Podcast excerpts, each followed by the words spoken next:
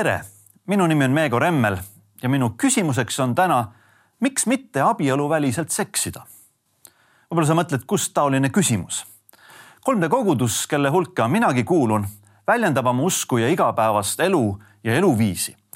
nii on ka käesolevas videokõneluste seerias Selgus on julgus kohane rääkida, mida me usume Jeesust ja piiblit järgides ka seksuaalelust mina usun, elan ja õpetan koos oma abikaasaga, nagu ka seda teeb 3D kogudus, et seks on looja poolt loodud mehe ja naise vahelise abielu ühtsuse ülesehitamiseks, läheduseks ja viljakuseks. võib ju küsida, miks peaksid meie usulised veendumused üleüldse puudutama magamistoas toimuvat? miks me ei võiks jätta intiimelulisi küsimusi usueluliste hulgast välja? aga võib ka vastu küsida miks ei võiks intiimelu kõrvale jätta ka siis juba sinu enda armastuselu ja abielu suhtest? vaevalt sa seda sooviksid, sest see, mida sa otsustad teha või mitte teha oma intiimelus, mõjutab vahetult ka seda, milliseks sa kujuned inimesena ja missuguseks kujunevad sinu armastus ja abielusuhted. see, kuidas me elame oma usuelu ja intiimelu, on omavahel väga seotud. abieluvälised seksuaalsuhted teeksid sinust teistsuguse inimese kui see kellena on unistanud sind sinu looja ja ka sinu võimalik abikaasa. aga miks ei võiks siis jätta seksiga seotud küsimusi laiemalt ja abieluvälise seksi küsimusi kitsamalt iga inimese isiklikuks valikuks? miks me peame sellesse küsimusse kuidagi kohuslikult sekkuma? aga kujuta ette, kui selline hoiak valitseks terves ühiskonnas kus iga mees või naine, keda sa tänaval või koolis või tööl, trennis, poes, kohvikus, ühiskondlikus transpordis kohtad, käituks seksuaalses plaanis just nii, nagu talle õige tundub. selline ühiskond oleks äärmiselt ettearvamatu ja ebaturvaline. me tunneme palju paremini ennast ja kindlamalt, turvaliselt maailmas, kus järgitakse teatud käitumisstandardeid ja edendatakse kindlatest veendumustest lähtuvat suhtlemiskultuuri, kus me võime eeldada, kuidas inimesed üldiselt käituvad ja meie väärikust austavad ning mis on lubatav ja mis on taunitav ka lähemates suhetes üks Rootsist Hiina missioonitööle läkitud missionäride perepoeg jutustas mulle mõned aastad tagasi, kuidas tema vanemad suundusid sinna koos ühe teise Rootsi abielupaariga. Nad asusid elama kuskile eh, sellisesse dialektiga kuningriiki, kus eh, puudusid üldised tsivilisatsiooni kontaktid. aga seal puudus ka üldine pesemiskultuur, kujutage ette. ja arusaamine tavalisest tsiviliseeritud maailmas tuntud paari suhtest, abielust, perekonnast iga mees magas mis tahes naisega ja sündinud lapsi kasvatasid üles emaks saanute kogukonna inimesed. mehed külastasid seda kogukonda siis öösiti oma seksuaalsete vajaduste rahuldamiseks ja niimoodi elati, aga see missionäri paar elas truus abielu suhtes, armastas teineteist ja andis nende inimeste jaoks oma eluga täiesti uue eeskuju. ühel päeval see naine ootamatult haigestus ja suri. ja selle mehe lein oli meeletult valus kuni ühel õhtul astus see kuningriigi valitseja missionäri onni teda lohutama ja küsis, kus su naine sinu usu järgi praegu asub. ja kui ta kuulis, et naine elab nüüdsest igaveses elus, surnust üles tõusnud ja taevasse läinud Jeesuse kuningriigis, ütles see suguharu kuningas, et siis tahab ka tema, et tema ja tema kuningriigi rahvas sinna igavesse kuningriiki välja jõuaks. mida selleks peaks tegema? sel hetkel koges see leinavalus missionär et tema armastuse ja abielu tähendus on palju suuremas plaanis vajalik kui nende oma elu. ta pühkis silmad pisaraist ja ütles nagu Peetrus neli pühapäeval. parandage meelt ja igaüks teist lasku ennast ristida Jeesuse Kristuse nimesse oma pattude andeks saamiseks ning siis te saate püha vaimu anni. sest see tõotus on antud teile, teie lastele ja kõikidele, kes eemal on, keda iganes Jumal me issand enese juurde kutsub muutus, mis seejärel kogu kuningriigis toimus, oli enneolematu kogu kuningriigi rahvas tunnistas Jeesuse igaveseks kuningaks, sai usus ristitud, elus Jeesuse ülestõusmise väes ja tema eeskuju õpetuse järgimiseks. ja veeristimist läbi käinud rahvas hakkas ennast ka ise edaspidi pesema. iga mees võttis lõpuks naise, kellel sündid lapsed, kasvatati ühises usus, lootuses, armastuses üles. ja sealt edasi hakkas arenema ja kuju võtma juba kohalik kristlik kultuur kus igal inimesel oli teiste silmis ainulaadne väärtus ja üle aegade väärikus. mõtlesin, milline muutus, totaalne muutumine. Apostel Paulus elas millelegi samasugusele kaasa eh, antiikses Kreeka-Rooma kultuuriruumis. Makedoonia linnas Thessalonikas olen ka ise seal käinud ja näinud, kuidas antiiksete linnamüüride keskel on avaliku roomaliku pordumaja varemed. aga selles linnas asus ka juudi sünagoog ja sealsed inimesed elasid pühakirja järgi ja nad lasksid endid veenda, et tema ongi Messias, see Jeesus, kellele Paulus oli tähelepanu pööranud ja kelle elu muutvat sõnumit kuulutas ta neile ja samas piibel ütleb, et selle kuulutuse peale tuli usule ka suur hulk jumalakartlikke kreeklasi ja rohkesti suursuguseid naisi, kellest saigi alguse Thessalonika kogudus. Paulus pidi sealt linnast kristlastele mm, nagu vastu tõstetud ja õhutatud vaenu ärahoidmiseks lahkuma. aga ta kandis neid inimesi ja seda kogudust oma südames ja palvetas ja kirjutas neile tervelt kaks kirja, mis on tänaseni säilinud ja kätkevad selgeid ja julgeid juhiseid kuidas peaksid kristlased oma suhteid ja ka oma seksuaalelu korraldama? kui me mõtleme sellesse ajastusse, siis me teame, et antiikajal elanud paganad võtsid abielusuhteid väga lõdvalt. Seksuaalelu väljaspool abielu oli tavapärane. seda praktiseeriti nii religioossete riituste raames kui ka lihtsalt meelelahutuseks aega veetes või prostituute end seksuaalselt teenindama ja lõbustama tellides. ei põlatud pedofiilseid ega homoseksuaalseid suhteid võidi kaasata ja kasutada ära perekonna nooremaid liikmeid või pere keskel orjana elanud, teeninud mehi ja naisi. suurematel koosviibimistel eeldati, et maja peremees hoolitseb lisaks lauarõõmudele ka armurõõmude eest.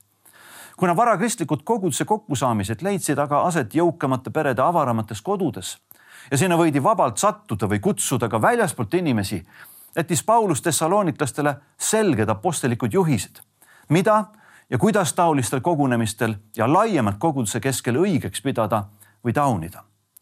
omaaegse kultuuri keskel elama harjunud inimene võinuks vabalt küsida, nagu tänapäeval küsitakse, et miks mitte ka koguduse sees abieluväliselt seksida.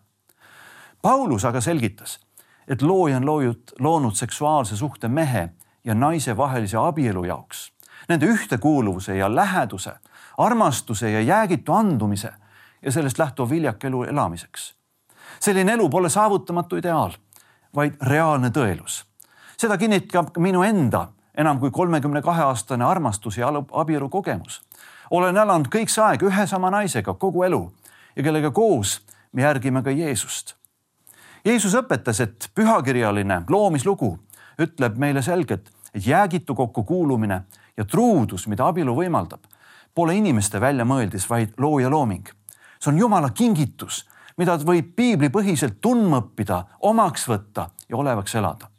Jeesus ütles, kas te ei ole lugenud, et loomise algul tegi looja inimese meheks ja naiseks ja ütles, seepärast jätab mees oma isa ja ema ning hoiab oma naise poole ja need kaks saavad üheks.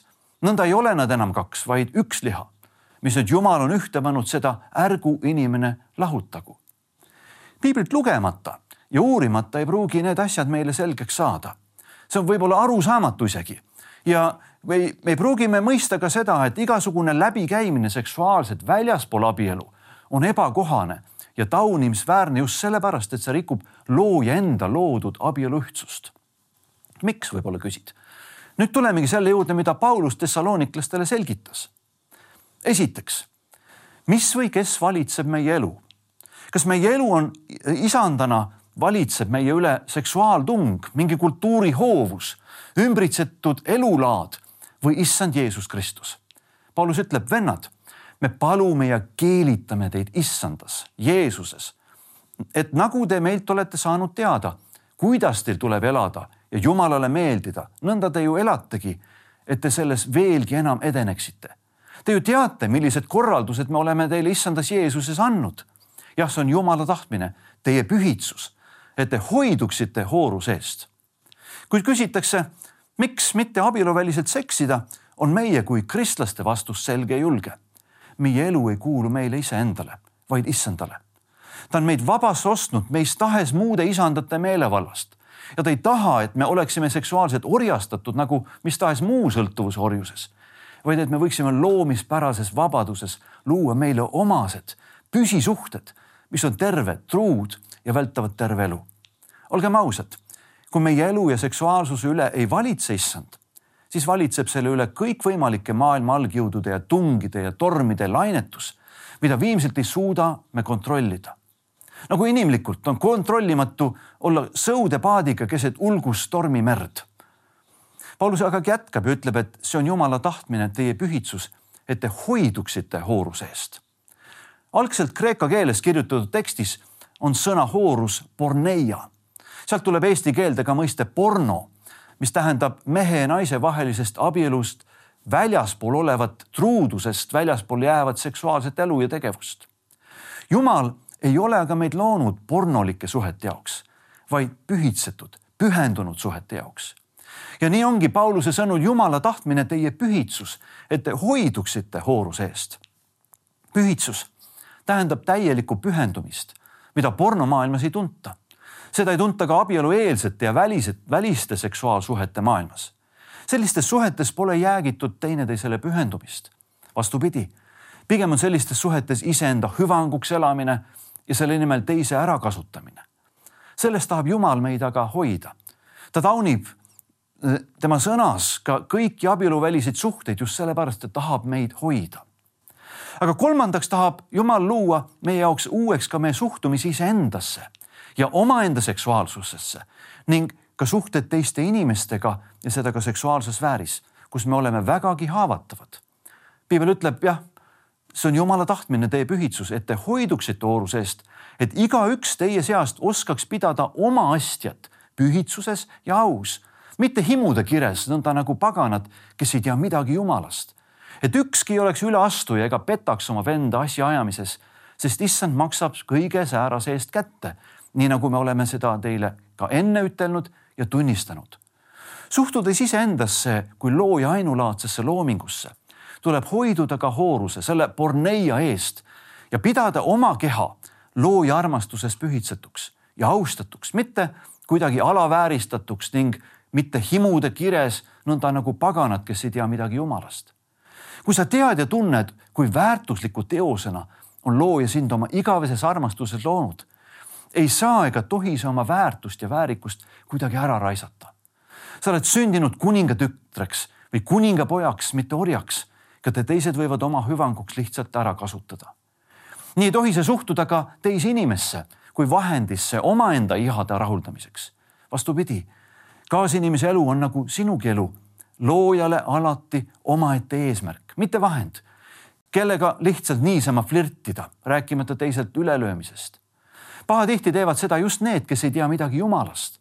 aga Jeesuse järgi elatud elus peab olema teisiti, kirjutab Paulus, et ükski ei oleks üleastuja ega petaks oma venda asjaajamises, sest issand maksab kõige säärase eest kätte. ja neljandaks selgitab Paulus, et abieluväline seks eirab tõsiasja, et Jumal ei ole meid ju kutsunud rüvedusele, vaid pühitsusele. seepärast siis, kes on selle suhtes hoolimatu, see on hoolimatu mitte inimese, vaid Jumala vastu, kes on oma püha vaimu teisse andnud. seega tähendab seksuaalset hoolimata elu, hoolimatut mitte ainult iseendasse, teise inimesse, vaid ka üle meie ja meie inimväärikuse kõrguvasse Jumalasse ja tema vaimuosalusse meie elus, sinu ja minu elus. sedasama on Paulus kirjutanud ka korintlastele, kes elasid veelgi odavamas kultuuriruumis kui tessaloniklased kuna usule tulnud inimesed vajasid õpetust, et koguduses suheldakse omavahel sootuks kõrgema väärikuse järgi, kirjutas Paulus ka korintlaste kogudusele selged ja julged juhtnöörid seksuaalsuhete reguleerimiseks. ta ütles, või te ei tea, et ülekohtused ei päri Jumala riiki. ärge eksige, ei kõlvatud ega ebajumala teenijad, ei abielurikkujad ega lõbupoisid ega meeste pilastajad, ei vargad ega ahned, ei joodikud ega pilkajad ega riisujad päri Jumala riiki ja sellised olid mõned teiegi seast.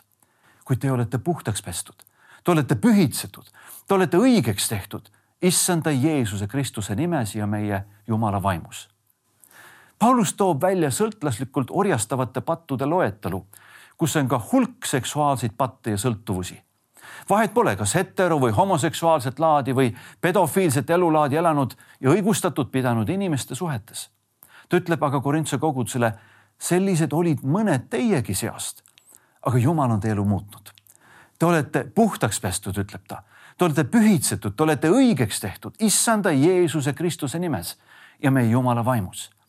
nii usume meiegi 3D koguduses inimeste elu ja jumalikku uueks loomisse, puhastumisse ja seksuaalsete suhete muutumisse Jumala parima plaani järgi. ent me peame ka ise tahtma selle plaani järgi elada jumal ei muuda meid meie tahte vastaselt. Paulus kirjutab korintlastele sealsamas, öeldakse, mul on kõik lubatud, siiski kõigest ei ole kasu. mul on kõik lubatud, siiski miski ärgu saagu meelevalda minu üle. toit on kõhu jaoks ja kõht on toidu jaoks, siiski jumal teeb lõppu nii sellele kui tollele. aga ihu ei ole hooruse jaoks, vaid issanda jaoks ja issand ihu jaoks. ent jumal on issanda üles äratanud ja äratab meidki üles oma väe läbi. kas te ei tea, et teie ihud on Kristuse liikmed? kas ma võiksin siis võtta Kristuse liikmed ning teha nad Hoora liikmeteks? Ei mingil juhul. või kas te ei tea, et see, kes hoiab Hoora poole, on temaga üks ihu. sest nagu Jumal ütleb, need kaks saavad üheks, aga kes hoiab issanda poole, see on temaga üks vaim. põgenege kõlvatuse eest. mis tahes patt, mida inimene iganes teeks, on väljaspool tema ihu. kuid kes hoorab, see patustab iseenese ihu vastu. või kas te ei tea, et teie ihu on teis oleva püha vaimu tempel, kelle te olete saanud Jumalalt ning et teie ei ole iseeneste päralt, sest olete kallilt ostetud austage siis Jumalat oma ihus. pühas vaimus elades ei saa me õigeks pidada omaenda või kellegi teise ihu kuritarvitamist seksuaalsete naudingute ajel. nii ütlemegi selgelt ja julgelt välja ka oma koguduses ja avalikkuse ees oma eitava suhtumise pornotööstusesse ja selle kõikvõimalikku produktsiooni, prostitutsiooni, inimkaubandusse laiemalt. Mis tahes abieluvälised seksuaalsed suhted on taunitavad, isegi kui inimesed, kes nendega vahetult seotud, neid ise õigeks peavad ja ühiskonnas sallivad ja seaduslikuks loevad. patt ei ole juriidiline, vaid moraalne kategooria. nii ei saa pattu ka moraalselt legaliseerida, inimsuse vastased kuriteod ei aegu ega muutu sallitavaks, kui mingi ühiskond neid tolereeriks. ainus sügavalt inimlik ja jumaliku moraalse autoriteediga heaks kiidetud seksuaalakt saab siis olla abielus mehe ja naise vahel eluaegses jäägitus armastuse suhtes, kus öeldakse teineteisele sõnades väljendamatus hinge ja kehakeeles, et me oleme, jääme olema üks, teineteisele lõputult lähedase abikaasana. ja kui Jumal lubab, siis seeläbi ka meile sündivate laste vanematena. inimene ei kuku seksuaalsetesse suhetesse iseenesest. seksuaalset lähedust luuakse ajas. inimene otsustab, kas ja kellele, kuidas ta on valmis seksuaalselt lähenema abielu on otsus saada, olla ja jääda seksuaalselt lähedaseks ühe inimesega kogu eluks. see otsus peab sündima palju varem kui suhe ise. suhtesse, eriti seksuaalsuhtesse ei saa ega tohi kuidagi libiseda. armastada tähendab tahta koos elada ning selleks peame olema valmis ja kaaluma, otsustama ära nii hästi oma elulise kui ka usuelulise ja abielulise ja vanemliku vastutusega võtmise seotud küsimused enne seda, kui ma lähen abieluvoodisse piibel ütleb kõikide juures olgu abielu au sees ja abieluvoodi rüvetamata, sest Jumal nuhtleb ooraid ja abielu rikkumaid. jääge rahule sellega, mis teil on, sest tema on öelnud, ma ei hülga sind ega jäta sind maha. nii võime julgesti öelda, issand on minu abimees, minul ei ole midagi karta, mida võib teha mulle inimene. Olen oma isale väga tänulik, kes soovitas mul juba poisikesena palvetada oma tulevase naise eest ja hoiduda suudlemast kedagi enne, kui olen tõepoolest ja otsustavalt valmis andma talle koos oma suudlusega ka truuduse tõotuse. nii ma palvetasin oma naise pärast ja hoidsin esimest suudlust temale, ehkki ma juba üldse ei teadnud, kes see võiks olla. ja kui ma kohtasin Eelikat ja kui me siis mõlemad saime Jumalat kinnituse, et me võiksime olla tulevaseks abikaasaks teineteisele, siis ma küsin, kas ma võin sind suudelda, see oli minu elu esimene suudlus ja ma pole ühtegi teist inimest rohkem kunagi suudelnud. meie esimene seksuaalakt leidis aset mõned kuud hiljem meie abielu õnnistamise järel pulmaööl abieluvoodis. see oli nagu jumaliku õnnistusega saadetud pulmakingitus. me võisime selle lahti pakkida pulmaööl ja tunda, et me oleme saanud Jumala õnnistusest osa. meie abielu on olnud seksuaalselt õnnistatud. mida aasta edasi, seda õnnelikumad me oleme, et me oleme teineteisele ainukeseks ja piisavaks armastuse looks kogu elus õnnistatud ja õnnelikud. ma ei vahetaks meie abielu ega seksuaalelu ühegi teise vastu siin. olen oma naisele ülimalt tänulik ja kinnitan igavesti, et ta on Jumala kingitus minu ellu. sedasama soovin ma ka sulle, sinu armastuses, sinu seksuaalsuses, kõiges, mis on ees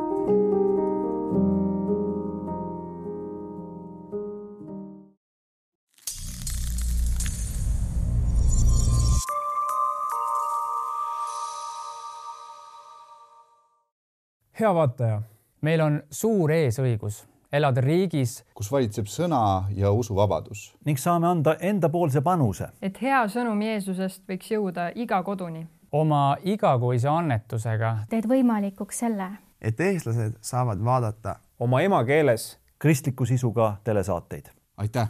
sinu panus on oluline